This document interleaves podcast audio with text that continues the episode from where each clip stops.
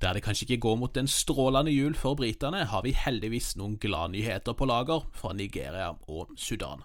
Vår ukentlige roundup tar oss dessuten innom et påstått kuppforsøk og nytt opprør i Den sentralafrikanske republikk, før vi tar en liten titt tilbake på noen av våre spådommer for 2020. Dette er Hva skjer med verden?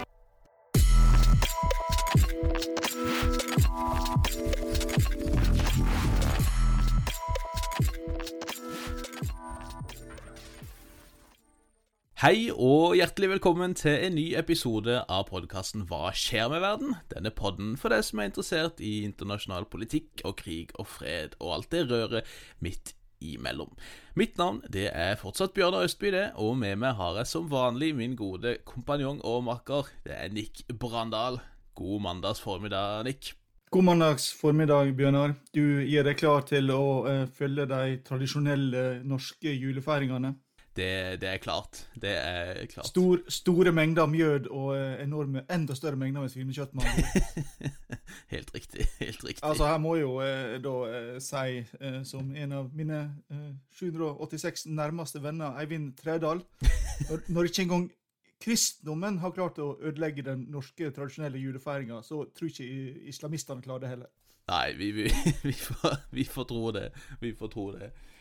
Her, bør, her bør det jo legges til at uh, det er selvfølgelig ikke riktig at den norske jula, uh, tradisjonelle norske midtsommersfeiringa, midtvintersfeiringa, skjedde på den datoen vi nå feirer jul. Så, så, det er en anakronisme for de som tror at vi ikke kan vår historie eller teologi. For, det, det kan vi. Uh, her på Sørlandet er det faktisk tilløp til sol. Ja, På Nordvestlandet har vi jo fått god, gammeldags, tradisjonelt julevær pluss fire grader og regn. ja, det er perfekt. Det er sånn norsk jul skal være i det 21. århundre. Eh, det har jo vært en ganske fin eh, fotballhelg, syns jeg. Der mitt lag Arsenal knuste ditt lag Everton i en komfortabel 4-0-seier. Og Nick ser litt forvirra ut, for han tenker jo sikkert at hans lag faktisk eh, slo Arsenal. Men jeg har jo konvertert heltid nå til å heie på Arsenal Women dette herrelaget til Arsenal, det, det, har jeg lagt bak meg for lengst. Eh, det er kvinnesport som, som, gjelder. Nick er jo en middelaldrende hvit mann, så han har jo ikke kommet like langt som en moderne og litt yngre mann som meg sjøl. Men, men, det er nok bare et tidsspørsmål før også han eh, ser seg nødt til å, til å konvertere til, til kvinnefotballen eh, på heltid. Ja, eller, eller begynne å holde med Liverpool. Ja, nå, Nei, eh, det får være det, det, det, den, det, er nesten så, det er nesten så jeg, jeg, kommer til å redigere den i post her, bare for, nei, nei. for at du skal slippe det og ydmyke, ydmyke det. Altså, eh, både Everton og Arsenal var vel blant de første eh, topplagene på herre som også oppretta damelag, og, og, har faktisk vunnet ganske mange titler. Eh, gjennom de siste ti årene. Helt riktig. Manchester United er som vanlig langt bakpå og starta ganske nylig et lag. Og Liverpool er, bruker jo ikke ei krone på sine kvinner, så, så vi er vi er ganske stolte av det, får vi si, og vi er jo stolte av kvinnehåndballandslaget også, får vi si. Det, det var en sterk opptreden der. En, en nokså sterk opptreden har vi jo også fått fra Var det Mike Pence, tror jeg, som ga navnet til eh, denne romstyrkens eh, medlemmer. Og, og, medlemmene av Space Force, hva, hva, skal de hete for Nordic? Nei, altså, Det er viktig å understreke her at dette er virkelig Dette er ikke henta fra denne Netflix eh, Romcom-serien.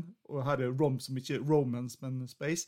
Um, altså vi, vi, har jo hele tida mistenkt at dette handler om at noen har sett på altfor mange dårlige sci-fi-filmer. Og det ble jo bekrefta nå. Ja, det blir jo rett og slett Guardians de skal hete. Og da er det jo så klart veldig kort vei dit til, til den The Marvel-serien, Guardians of the Galaxy. Ganske vittig, for øvrig. Um, og jeg så faktisk noen av produsentene av den serien, eller de filmene, da fleipa litt på Twitter om at eh, kanskje de burde legge inn et lite søksmål eh, nå, bare for å, å, sikre sine egne rettigheter der. Eh, andre mente jo det var en veldig eh, sympatisk gest, håper jeg å si, med tanke på alle disse andre eh, Denne her rivaliseringa mellom type Hæren og Marinen osv. Luftforsvaret. At liksom endelig var det noen som tok ansvar og sørga for at de ble mobbeofre for all fremtid, sånn at de andre kunne finne litt bedre sammen. Vi har jo nyheter fra dine hjemtrakter, hadde jeg nær sagt, eh, Nick. Der eh, Ørsta kommune har stilt seg bak et, et, forbud mot atomvåpen. Eh, og så er det jo samtidig da kritiske røster som advarer mot at, eh, dette nok bare er et eh, listig lite knep for å prøve å få Volda til å, til å ruste ned og bli sårbart for, eh, for invasjon og, og, underleggelse en gang for alle. Så jeg tenker at du eh, som sitter der i Vannylven, bør jo være litt på, på vakt her på eventuelle angrep mot din nabokommune Volda her, Nick. Ja, altså Dette skjedde jo mot sju stemmer i kommunestyret, da, bør det legges til. Og, og, det på, og, det på, andre forsøk. Det første forsøket var i 2016, når SV foreslo omtrent det samme. Da, da ble det jo ikke noe av. Eh, så hva som har forandra seg nå, det, det jeg ikke. Men eh, Ørsta har jo et slags forhold til hele den store atomvåpenproblematikken. Fordi eh, Njål Hole uh, jobba under krigen på samme institutt som uh, uh, Lise Meitner, som to år før de begynte å jobbe sammen, var med på å oppdage kjernefysisk fisjon som gjorde atomvåpen mulig. Og, og Hole spionerte for britisk etterretning på alt arbeidet som Lise Meitner gjorde under krigen. yes.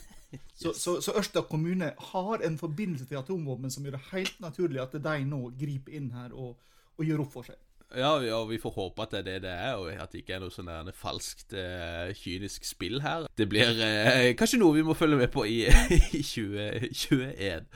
Uh, i Siste uke så, så, var vi jo innom litt det her med å gjøre Norge greit igjen og ta tilbake områder som vi tenker eh, tilhører eh, vårt eh, gode land. Og i den forbindelse så var det jo interessant å lese en ny undersøkelse, spørreundersøkelse utført av Pew Research Center, som jo er en av de store internasjonale aktørene som driver slike type undersøkelser. Og de eh, har hatt en undersøkelse der de har spurt borgere av Nato-land eh, hvorvidt de på en måte mente at territorier eh, Altså hvorvidt de mente at deler av nabolandene deres egentlig tilhørte deres egen stat. Eh, altså rett og slett at eh, de hadde krav på territorier som ikke juridisk sett tilhørte deres stat. Og eh, ganske interessante funn eh, der. Eh, og altså medianen var vel altså at 35% av de borgerne som ble spurt i Nato-land, mente at de hadde rett på territorier utenfor sin egen eh, statsgrenser. På topp var Ungarn, som eh, hadde 67 oppslutning om at, eh, at, de hadde krav på områder utenfor egne grenser. Hellas på 60% Bulgaria 58 Polen 48 Slovakia 46 Og det som er veldig oppløftende nyheter for vår del, Nick, det er jo at Sverige lå desidert på bunn, eh, med bare 13% og det tenker jeg det, det, Da ligger jo ting veldig godt til rette for, for, vårt lille prosjekt her, tenker jeg. Altså, dette skulle jo bare mangle med tanke på hvor mye de har stjålet fra Norge. Vi, vi var jo sist gang inne på dette med, med Bohus Len og Jämtland her i dalen, men vi glemte jo Idre og Særna, som også egentlig skulle vært norske. Ikke sant? Eh, for øvrig, eh, litt spøk til side. Eh, vi, vi, har jo ikke snakka veldig pent om Ungarn i denne serien her, så nå når det er jul, så, så kan vi kanskje gjøre det. Altså, Ungarn det, det, er forståelig at de føler på den måten der. For i oppgjøret etter første verdenskrig, som det var 100-årsjubileum for i år, altså oppgjøret, mm. det ungarske oppgjøret, så ble de fratatt eh, området med majoritet av ungarsktalende. Mm. Så og der bor fortsatt veldig mange ungarsktalende i, i, disse områdene i, i nabolandene. Så ja Jo, det, det, er, det er, litt forståelig, da. Ja, ja, ja. Det, det, var empatisk og fint av det, syns jeg. Og eh, så er jeg helt enig i at svenskene har ikke noe de skulle ha sagt. Jeg tror faktisk ikke de spurte nordmenn. Det hadde vært interessant å, å høre hva, hva liksom en gjennomsnittlig nordmann hadde svart på dette her. Hva ville du svart? Nei, altså det er jo under 100 år siden vi først forsøkte å gjenokkupere Grønland på 1930-tallet, så um, jeg, jeg, Spørsmålet er ja, Jeg tror ganske mange nordmenn hadde sagt at vi eh, har områder som burde tilhørt oss, eh, halvt i spøk og halvt i alvor. Mm, mm. Og om noe så burde vi kanskje gjeninntatt eh, de britiske øyer, og det er der vår roundup skal begynne i dag.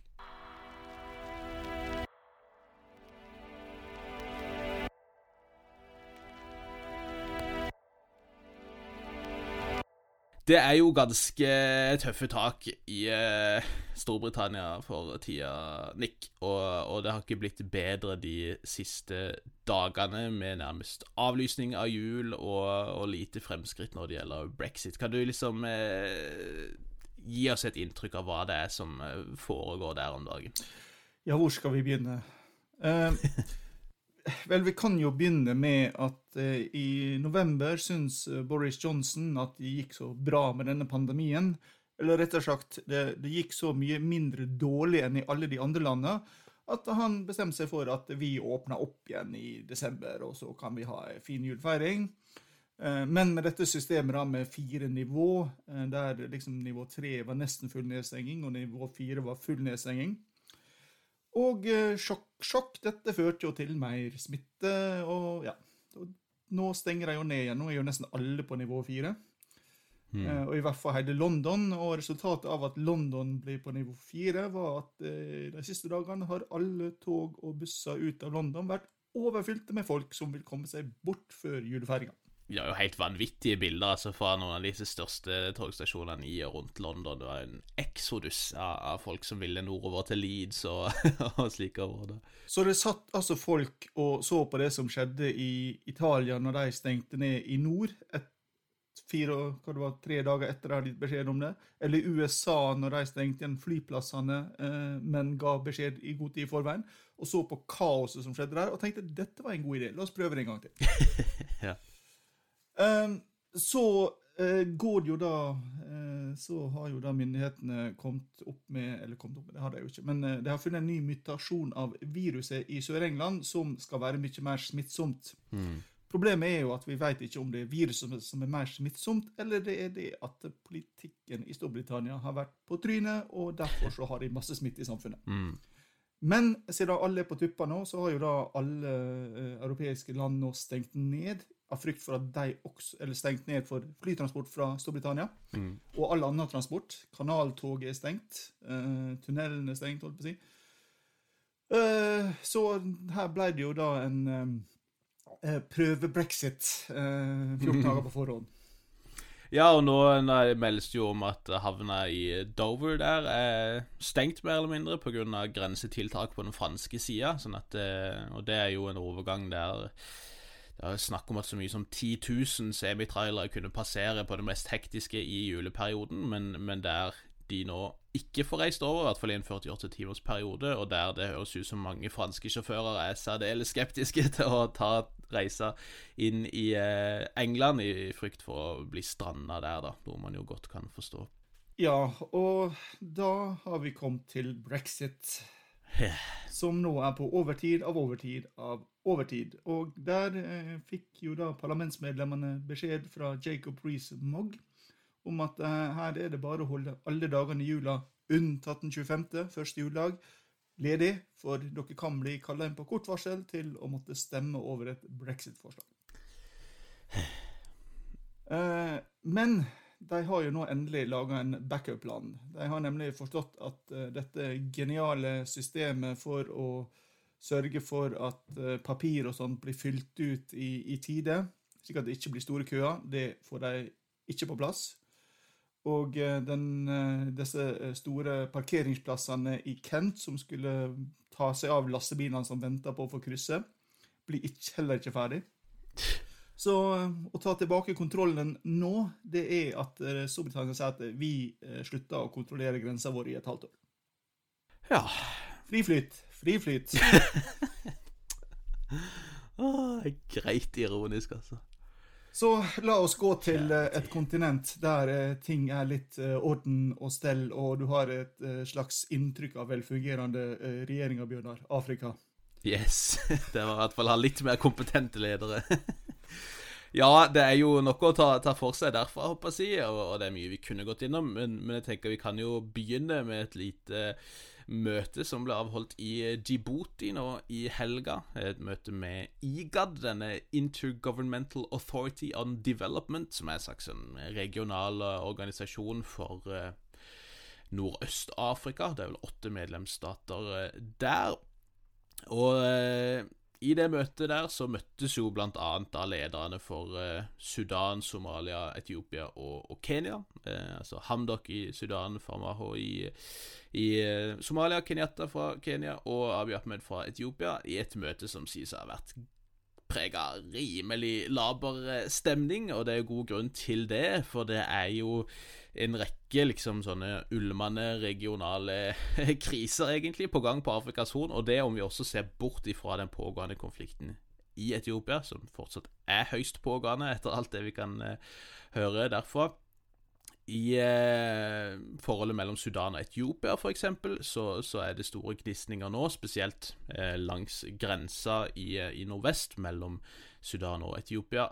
Eh, der eh, det lenge har vært eh, disputter knytta til et liksom, jordbruksområde på Sudans side av grensa, men der etiopiske amharaer da har, har, oppholdt seg og gjort krav på disse områdene. Amhara-militser har operert der.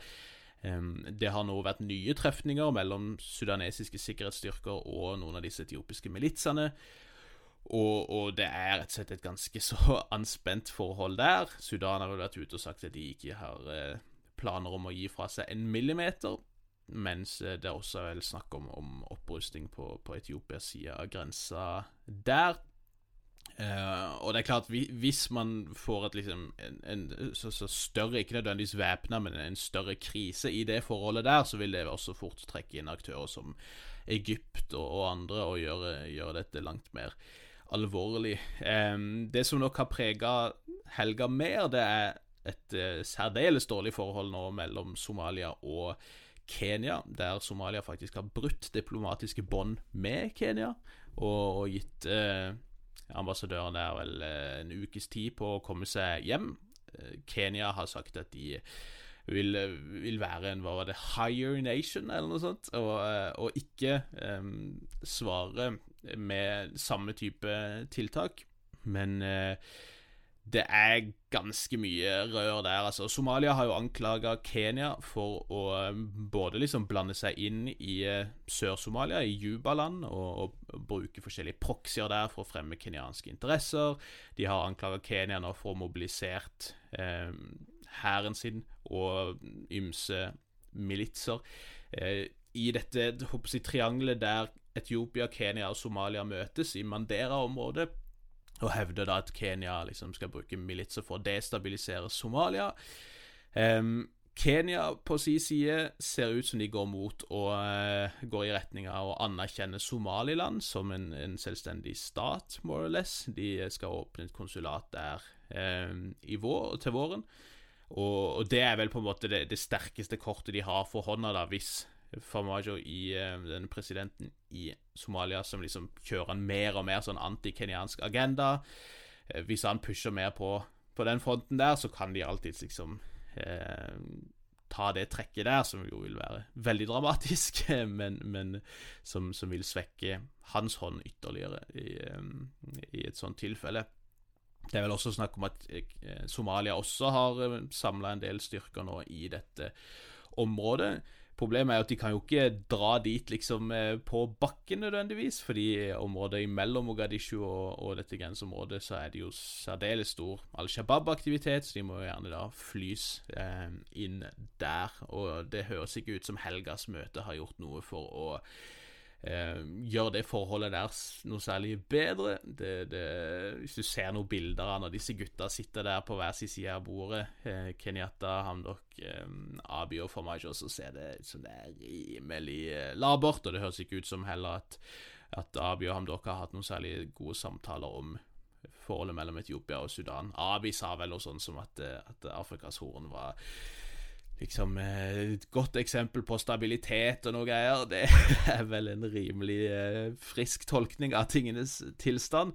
Det, det er særdeles anspent. Og, og, ehm, det var vel senest i helga at det har kommet ut en ny sånn film som om det er det somaliske militæret eller Forsvarsdepartementet eller noe som har spredt, men med, med liksom veldig sånn anti-kenyansk propaganda. Som sagt så har det tidligere vært Etiopia som liksom har spilt rollen som erkefiende. Nå er det Kenya som gjør det.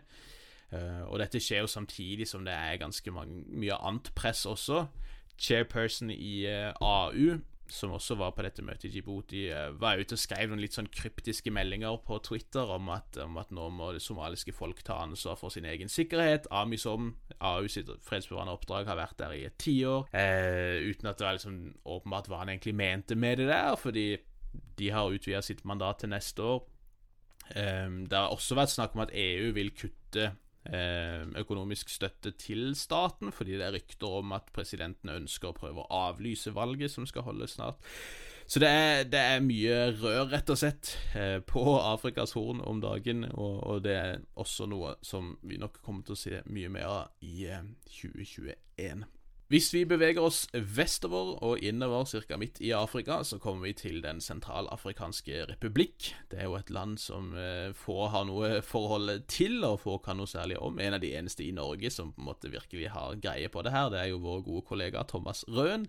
Som eh, helt sikkert vil være å se på diverse kanaler etter hvert, hvis, hvis eh, ting eskalerer i Den sentralafrikanske republikk nå. For der skal det være valg i romjula den 27. desember, og det i seg sjøl er jo noe som ofte har medført ganske store spenninger i den staten, men, eh, men nå ligger det an til en eh, særdeles anspent eh, et par uker nå fremover i landet. For nå har myndighetene gått ut nå i helga og anklaga den tidligere presidenten Francois Bozizé for å da ha planlagt et kupp for å ta litt sånn eh, backstory på hvorfor dette her er viktig, så kan vi jo si at Bozizé sjøl tok makta i eh, et kupp i 2003 i Den sentralafrikanske republikk.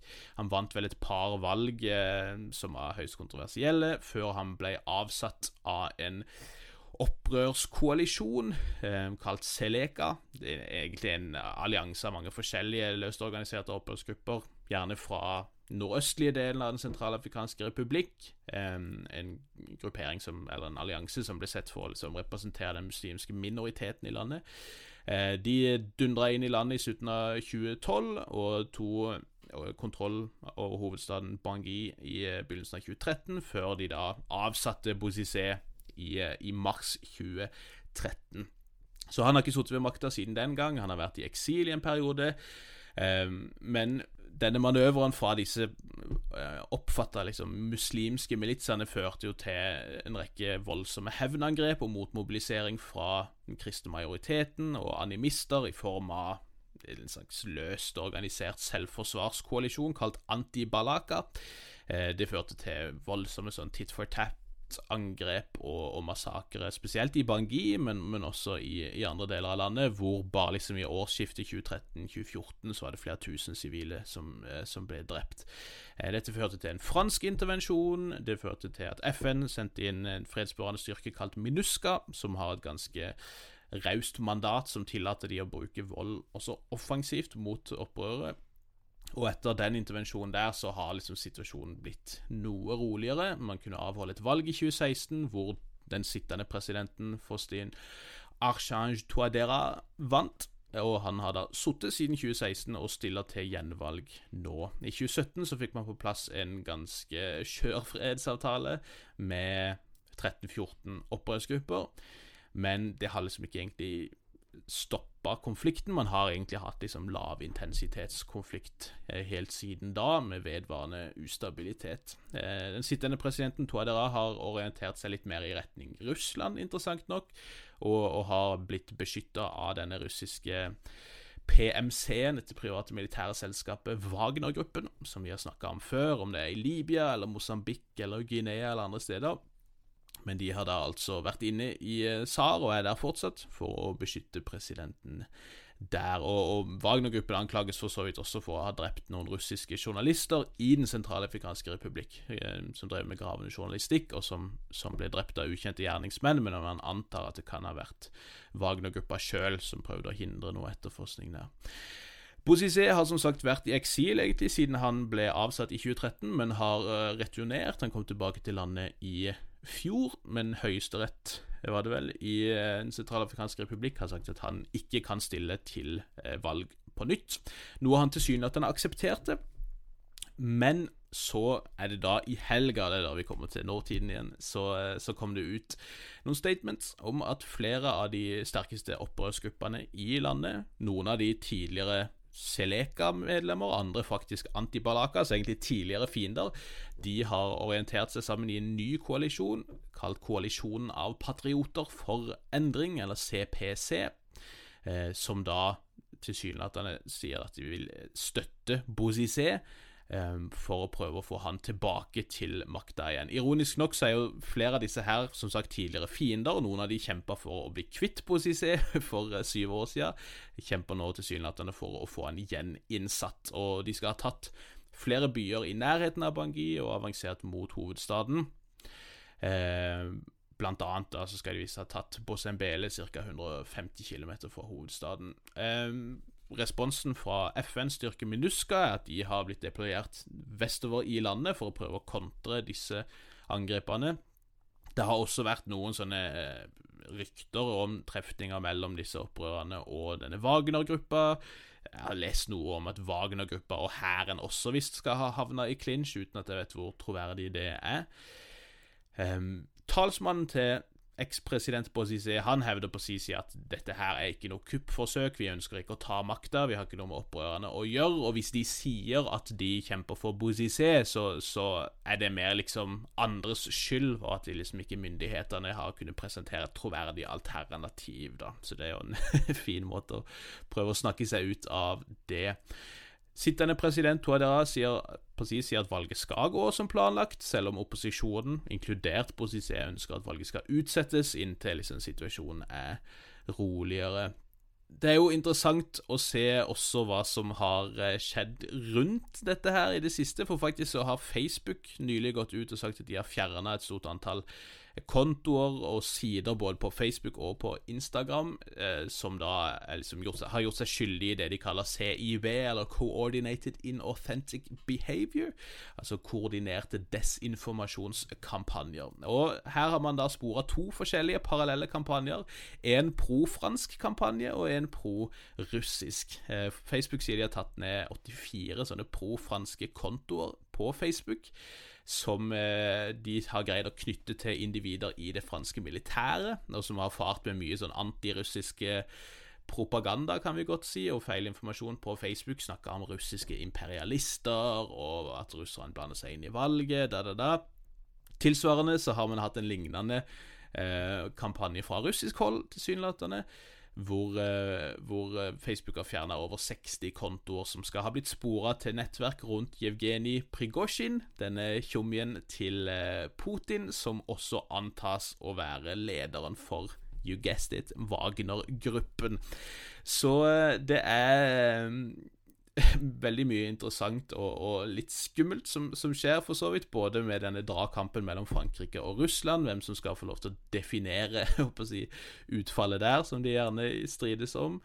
Um, i tillegg så kom det et statement seint på søndag i går om at Rwanda sender inn flere styrker, Force Protection Troops kalte de det, som respons på disse opprørernes angrep, spesielt mot rwandiske styrker i dette FN-oppdraget MINUSCA. I tillegg så har Rwanda et sånn bilateralt forsvarstype eh, en, en forsvarsavtale eller samarbeid med Den sentralafrikanske republikk, som de også brukte for å, for å forklare hvorfor de nå sender inn flere styrker.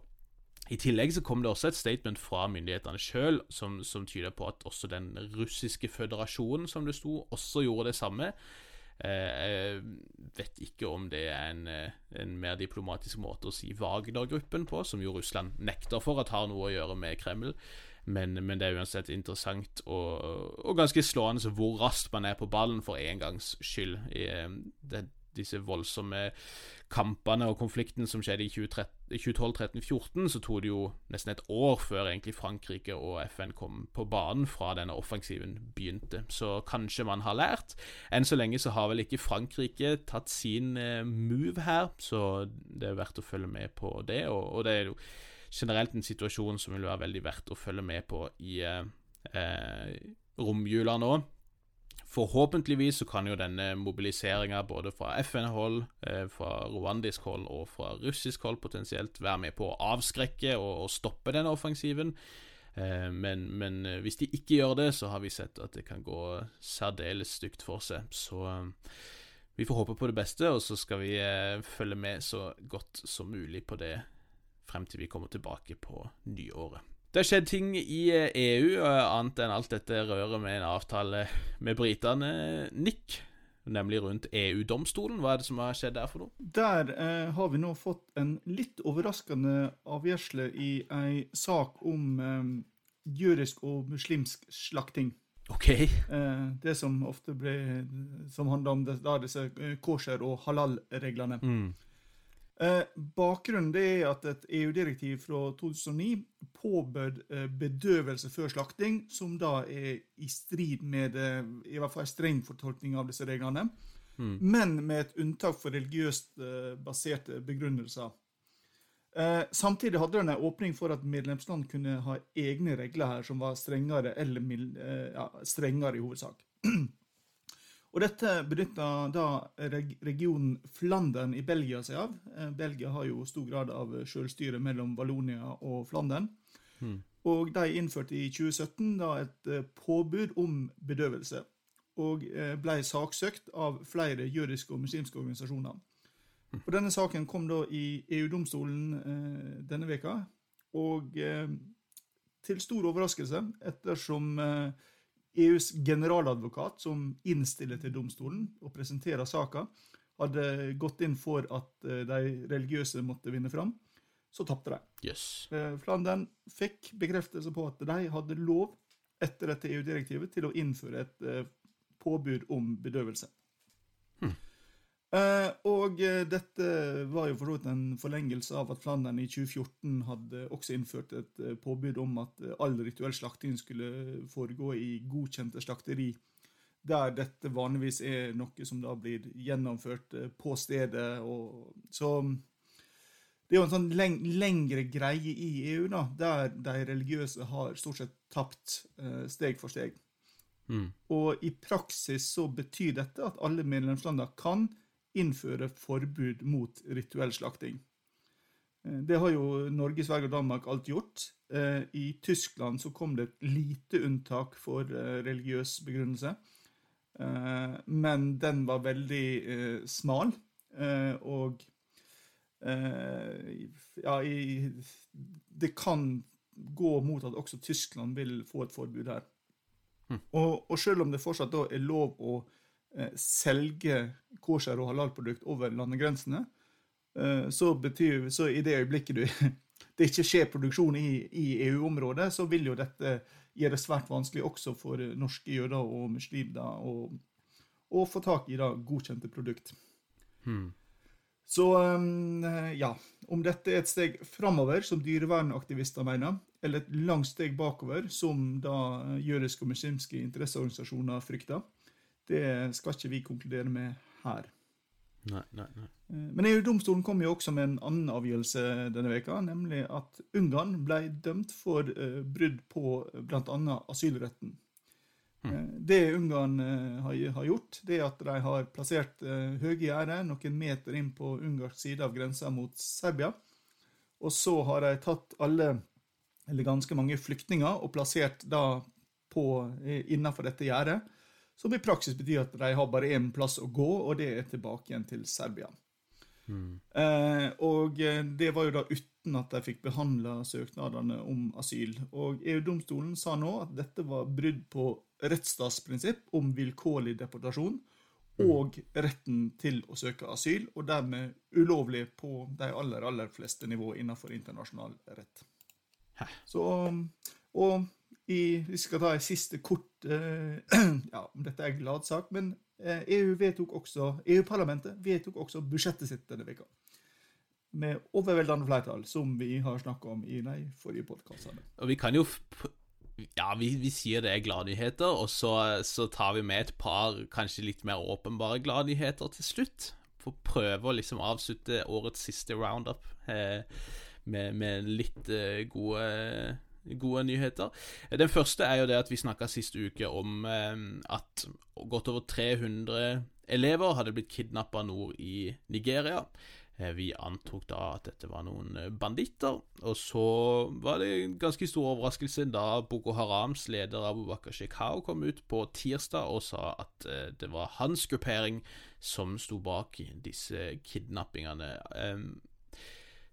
Det antas at Eller nigeriansk presse og eksperter derfor er ganske klare på at det antageligvis er Boko Haram som har inngått en deal med tre forskjellige Eh, ledere altså Lokalt kalles de banditter. Dette er jo mer eller mindre kriminelle organisasjoner. Noen av de driver med kvegtyveri og lignende, men, men, man antar at Boko Haram da har betalt eh, noen av disse bandene for å ha eh, for å kidnappe disse elevene for Boko Haram, selv om man også hører mer og mer om at Boko Haram eh, og IS-vingen av organisasjonen prøver å få mer og mer innflytelse også i andre deler av Nigeria, bl.a. med å eh, inngår sånne allianser med disse her. Uansett så kom det jo en veldig glad nyhet mot slutten av uka, da disse faktisk ble satt fri. Eh, de kom til rette, alle de som hadde blitt eh, fanga, og, ble kjørt tilbake til sine foreldre og familier. Tilsynelatende nokså uskadd, eh, heldigvis. Det er litt uklart hva som faktisk har skjedd. Myndighetene er veldig tydelige på at de ikke har betalt noe løsepenger til noen. Eh, det kan man jo definitivt eh, spørre seg om er tilfellet. Andre sier at de kanskje venter på noen fangeutvekslinger eller lignende.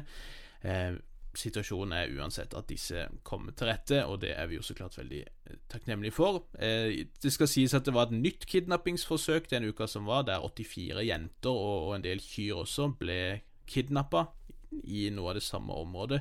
Men også der så hadde man en veldig eh, kjapp respons. Der virka det som det mer var både hæren og lokale militser som greip inn, og som, som fikk eh, redda disse. Det, det, man så klart er spent på, er jo på en måte om, om eh, disse bandittene lærer av dette og ser at dette er ganske grei business, at du kan slippe unna hvis du gjør dette her. I hvert fall hvis de faktisk har fått løsepenger. Men eh, det får vi ta en annen gang. Jeg tenker vi får bare være glad for at det gikk såpass godt i denne omgang. Eh, en annen ting også er jo det at Sudan nå offisielt har blitt eh, tatt av denne lista for statlige sponsorer av terrorisme. Og, og vi har jo sagt eh, mye, og ikke alt så veldig saklig, om, om, Trump og hans utenrikspolitikk og sånn. Akkurat her så får vi jo si at dette her er en prisverdig liten manøver, eh, nå som Sudan ikke lenger styres av Omar al-Bashir, nå som de ikke har hatt noe å gjøre med Al Qaida på veldig lenge, um, så er dette veldig gode nyheter. Litt bare, bare sånn generelt for at nå, nå, kan på en måte Sudan bli et mer eh, liksom legitimt og anerkjent medlem av det internasjonale samfunnet, om du vil, men, men, kanskje mest av alt også fordi at det nå tillater de å, å i større grad søke om lån og støtte internasjonalt, noe som de har, kunne gjort i mye mindre grad før. Noe som jo også da har gjort at, at økonomien har gått særdeles dårlig i senere år. Kanskje dette kan hjelpe de til å liksom få virkelig konsolidert denne, eh, dette nye styret og, og dette overgangsstyret sin eh, kontroll, og, og, at det kan være med på å bygge en, eh, ja, bli en slags ny start for Sudan, kan vi i hvert fall håpe på. Så det tenker jeg er jo litt sånn happy nyheter til slutt. Vi har ikke vært veldig gode på å få fram de. Du, du, du fant jo en sånn Var det Washington Post som hadde sånn 20, 20 bra ting som skjedde i 2020? Eh, og det var rimelig krampaktige greier, altså. De falt alle i kategorien det kunne vært enda verre. Ja, og det Det er litt derfor kanskje vi ikke tar så masse sånne happy clappy nyheter, for ofte så blir det litt søkt og litt krampaktig. Eh, da er det bedre å ta de, de faktiske ålreite tingene når det skjer, og det, det føler jeg jo vi har gjort nå. Men vi eh, beveger oss til en siste liten avsluttende bit for, eh, for 2020. Der vi kan se litt på hva vi forutså, hvordan vi bomma, og, og eventuelt hva vi tenker om neste år.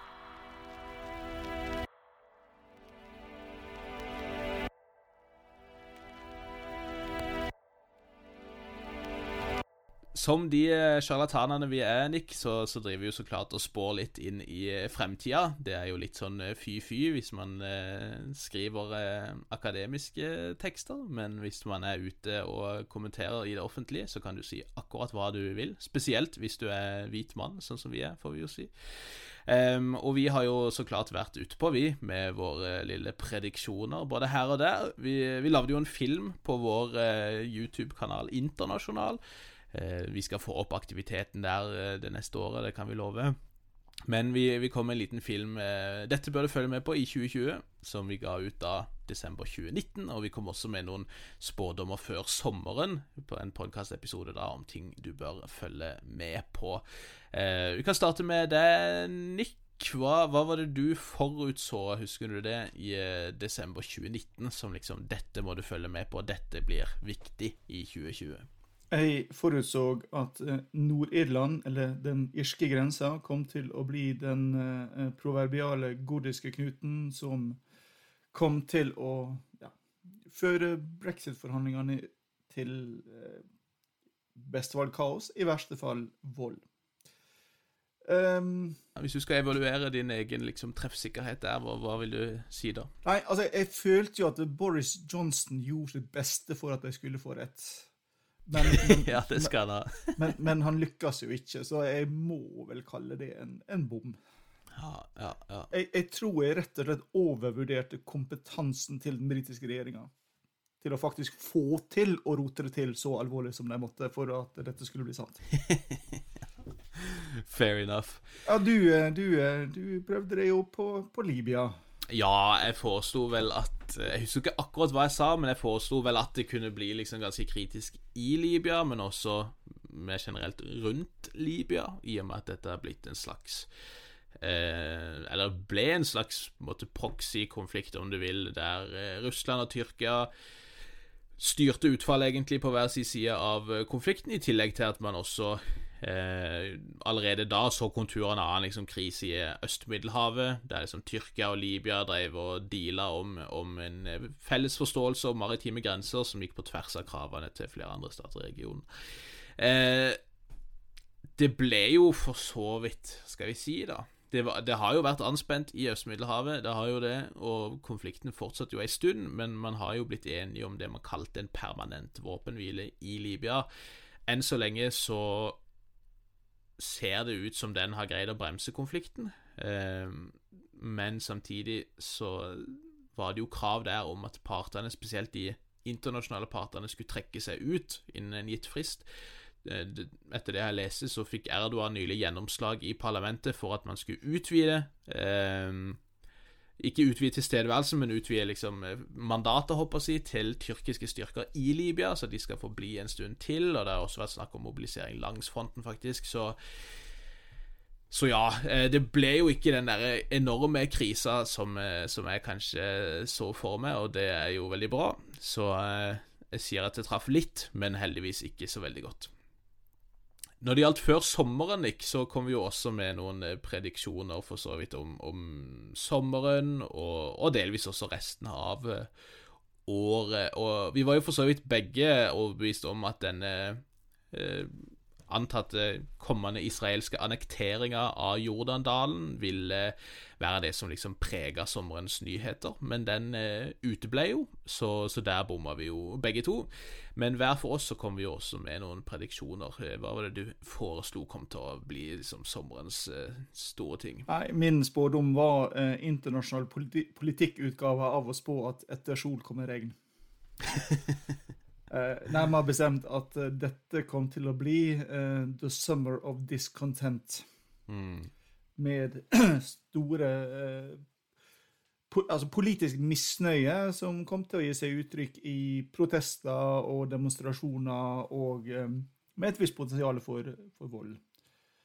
Eh, og uh, særlig i USA, men ikke bare i USA. Der må vi vel si du traff ganske greit. Det er jo kanskje nesten lettere å ramse opp de landene der det ikke har vært store demonstrasjoner, enn de det har vært. å si. Ja, nei, altså det er, det er vel Sverige og Norge Eller i Norge. Vi hadde jo en Black Lives Matter-demonstrasjon her også, så Ja da. ja da. Så, og, vi- og vi fikk jo Sian-demonstrasjonene utover sommeren, så ja, nei Og noen små mm, motstandsmarkeringer mot maskepåbud og sånt. Ja. Eh, men av, av de større så er jo så klart det, det fortsatte jo i Hongkong. Vi har hatt store demonstrasjoner i eh, Mali, som etter hvert ledet til et kupp. Vi har hatt det i eh, Hviterussland, ikke minst, som jo fortsatt pågår, selv om, selv om det er vanskeligere og vanskeligere vilkår der, håper jeg. Eh, så eh, vi må si du traff ganske, ganske greit der, altså. Men du eh, tok jo sjansen på å spå om eh, et land som ingen kan noe om. Det var jo ganske safe. Det var ganske safe. Ja, inkludert meg sjøl, for så vidt også. Men, eh, men eh, ja, jeg sa vel noe sånn om at jeg vil tipse om å følge med på Mosambik, tror jeg. Det kan, kanskje ikke jeg sa det på poden, jeg sa det i hvert fall i en annen forbindelse. Um, og, og på jihadistene der, som, som på det tidspunktet vel hadde De hadde vel kanskje ikke faktisk rukket å ta en havneby ennå, men de gjorde det i hvert fall kort tid etterpå. Um, det også var jo en rimelig safe bet, da, det skal sies. Men, eh, men situasjonen har jo ikke blitt noe bedre siden den gang. Det har jo blitt eh, stadig vanskeligere tilsynelatende å beseire disse jihadistene. Nå har Tanzania iverksatt operasjoner, og Malawi skulle sende inn styrker. Jeg har ikke hørt noe mer fra dette toppmøtet i Maputo nylig, der liksom de regionale lederne skulle diskutere dette. Men eh, jeg, så, jeg så noen bilder derfra nå, fra liksom noen av disse veiene der, og det er liksom gorilla heaven, altså. Det er smale jordveier med tett, tett skog på alle sider, så det er jo eh, et bonanza hvis du er en geriljagruppe. Det er fryktelig vanskelig å um, å kjempe i de områdene hvis du bruker mer konvensjonelle type metoder og våpen. Så ja, nei, eh, traff greit nok, men det, det var ganske safe bet, vil jeg si, altså. Men vi kan jo kanskje legge hodet litt på blokka og, og prøve oss på liksom hva, hva blir viktig ja, For så vidt i romjula, kanskje, men, eh, men spesielt i, i 2021. Hva, hva vil du eh, foreslå da? Du kan få eh, opptil tre forslag. Ja, altså Hvis jeg nå begynner med å tenke tilbake igjen på januar 2020, så hadde vi brexit, Megxit, eh, riksrettssak mot Donald Trump, første covid-dødsfallet, unntakstilstand i Australia pga. Eh, skogbranner. Vi hadde drapet på Qasem Soleimani, som ble fulgt med to eh, rakettangrep mot amerikanske militærbaser i Irak. Og så nedskytinga av eh, et uk ukrainsk passasjerfly over Iran, der 176 ble drept. Og det nummer én trendende ordet på Twitter var tredje verdenskrig. Så spår jeg at 2021 kommer til å bli bedre. Ok, du gjør det, altså? Ja, det er jo enda godt. Det kan ikke bli verre. Ja, det er famous last words, Nick, fra en, eh, en historiker av det 20. århundre. Men eh, Men altså, vi kunne jo bare fortsette her. ikke sant? Kobe Bryant dør, Eddie van Halen dør.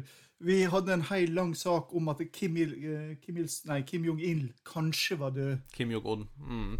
Kim Jong-un, beklager. Uff.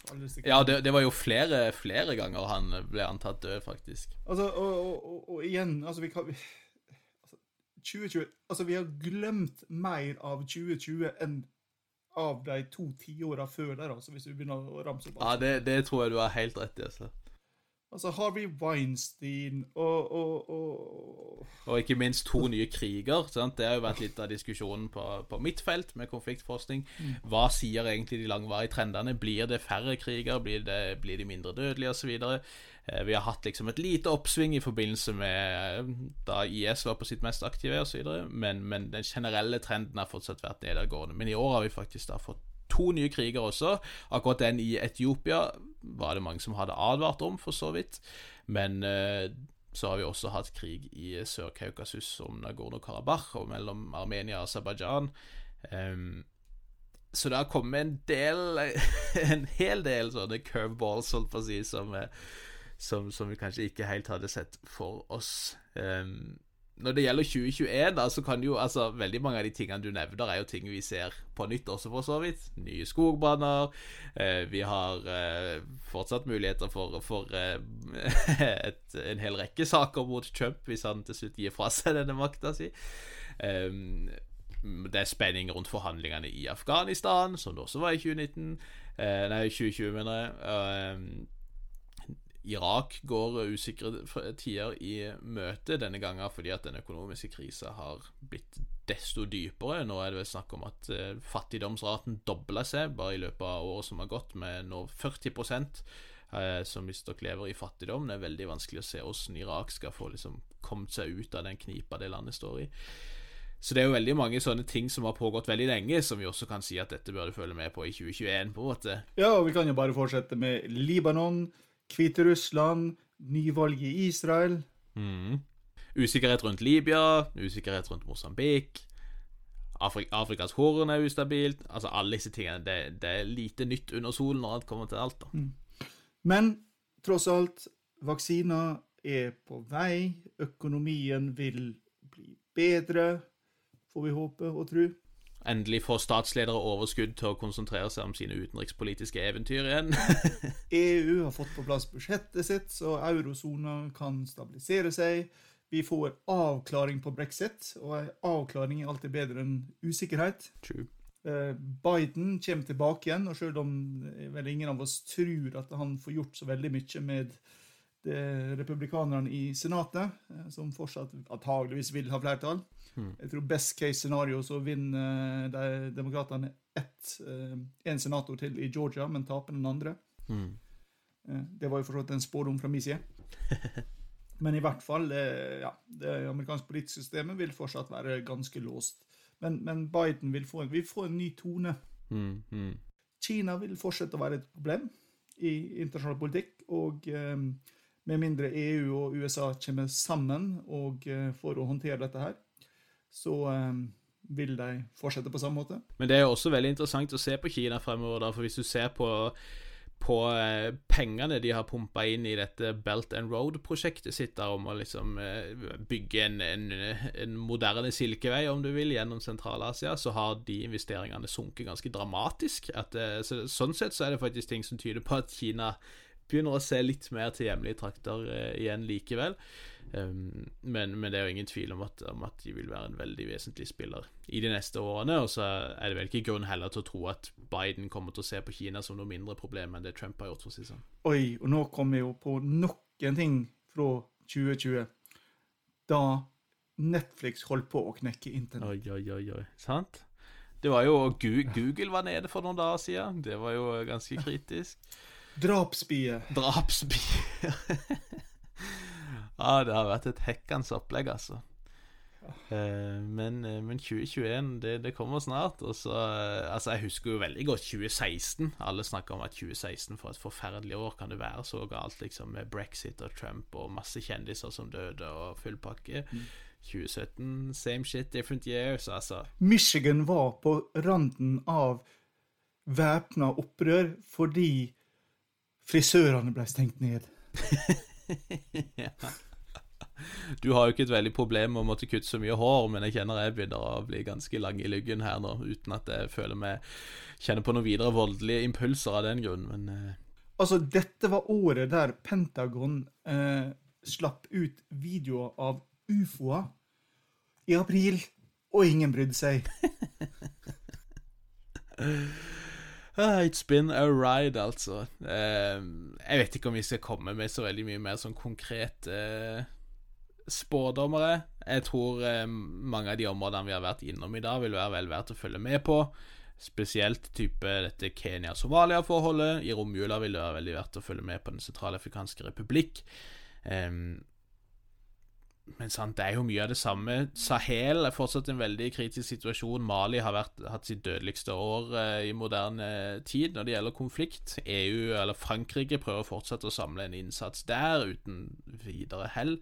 Um, altså Hvis vi skal prøve å oppsummere fire år med Trump og ett år med pandemi, så, så tror jeg jeg vil strekke meg så langt og si at ingen av dem har egentlig skapt noe nytt, men begge deler har forsterka og akselerert trender som lå der fra før. Mm. Og de trendene forsvinner ikke, Nei. selv om de to pandemien og Trump forhåpentligvis forsvinner i 2021. Skal vi gå inn for landing, eller? Eh, jeg føler vi har eh, Hvis vi snakker mer nå, så blir det bare rør, tror jeg. Ja. ja. Såpass selvinnsikt har vi. Tror det eller ikke. Eh, Vi tenker å ta oss en liten ferie, vi, faktisk. Sånn er det jo. Så vi blir ikke å høre på et uh, par-tre uker, men uh, med mindre det et eller annet sånn helt ekstraordinært skjer og vi hiver oss rundt eller noe sånt, men, men vi legger ikke opp til det, i hvert fall. Så etter planen så er vi tilbake igjen 11. januar. Høres ikke det ut som en grei plan, Nick? Jeg tror det skal la seg gjennomføre. Og da har vi jo ikke engang tatt en eneste rant om uh, alle disse her moderne julesangene som blir spilt til døde på radio. Gi meg guttekor og orgel, altså. Utover det skyte inn i sola alt sammen, sier jeg, altså. Og med det så får vi for det første ønske dere alle en veldig god jul og et godt nytt år og alt det der der. Um, tusen takk for følget gjennom uh, disse månedene som har gått siden uh, mars. Uh, og én ny ting har jo koronapandemien skapt, og det er denne podkasten, får vi si, Nick. og så kan man diskutere om det er en god ting eller ikke. Ja, det, det nå, nå stilte meg fast. Er det en god ting? Det har kanskje vært bra for at vi kan lufte psyken vår. Hvorvidt det er bra for, eh, for de stakkars lytterne, det er jo en helt annen ting. Men, men, det får dere vurdere selv. Tusen takk uansett for at dere har hørt på. Vi håper dere vil fortsette, fortsette å følge oss videre inn i en eh, ny sesong og et nytt år.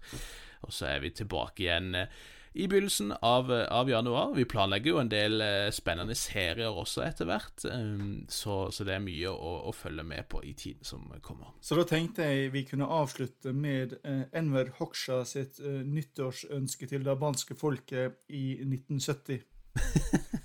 der han sa, tatt fritt fra hukommelsen Det året som ligger foran oss, vil bli verre enn det året som ligger bak oss men det vil i det minste bli bedre enn det året som kommer etterpå. og med de ordene så tror jeg vi sier uh, takk og uh, farvel for i år. Takk for et flott år og for en fin episode til deg, Nick. Sjøl takk, Bjørnar. Så bare snakkes vi med om litt. Alt godt, god jul, snakkes.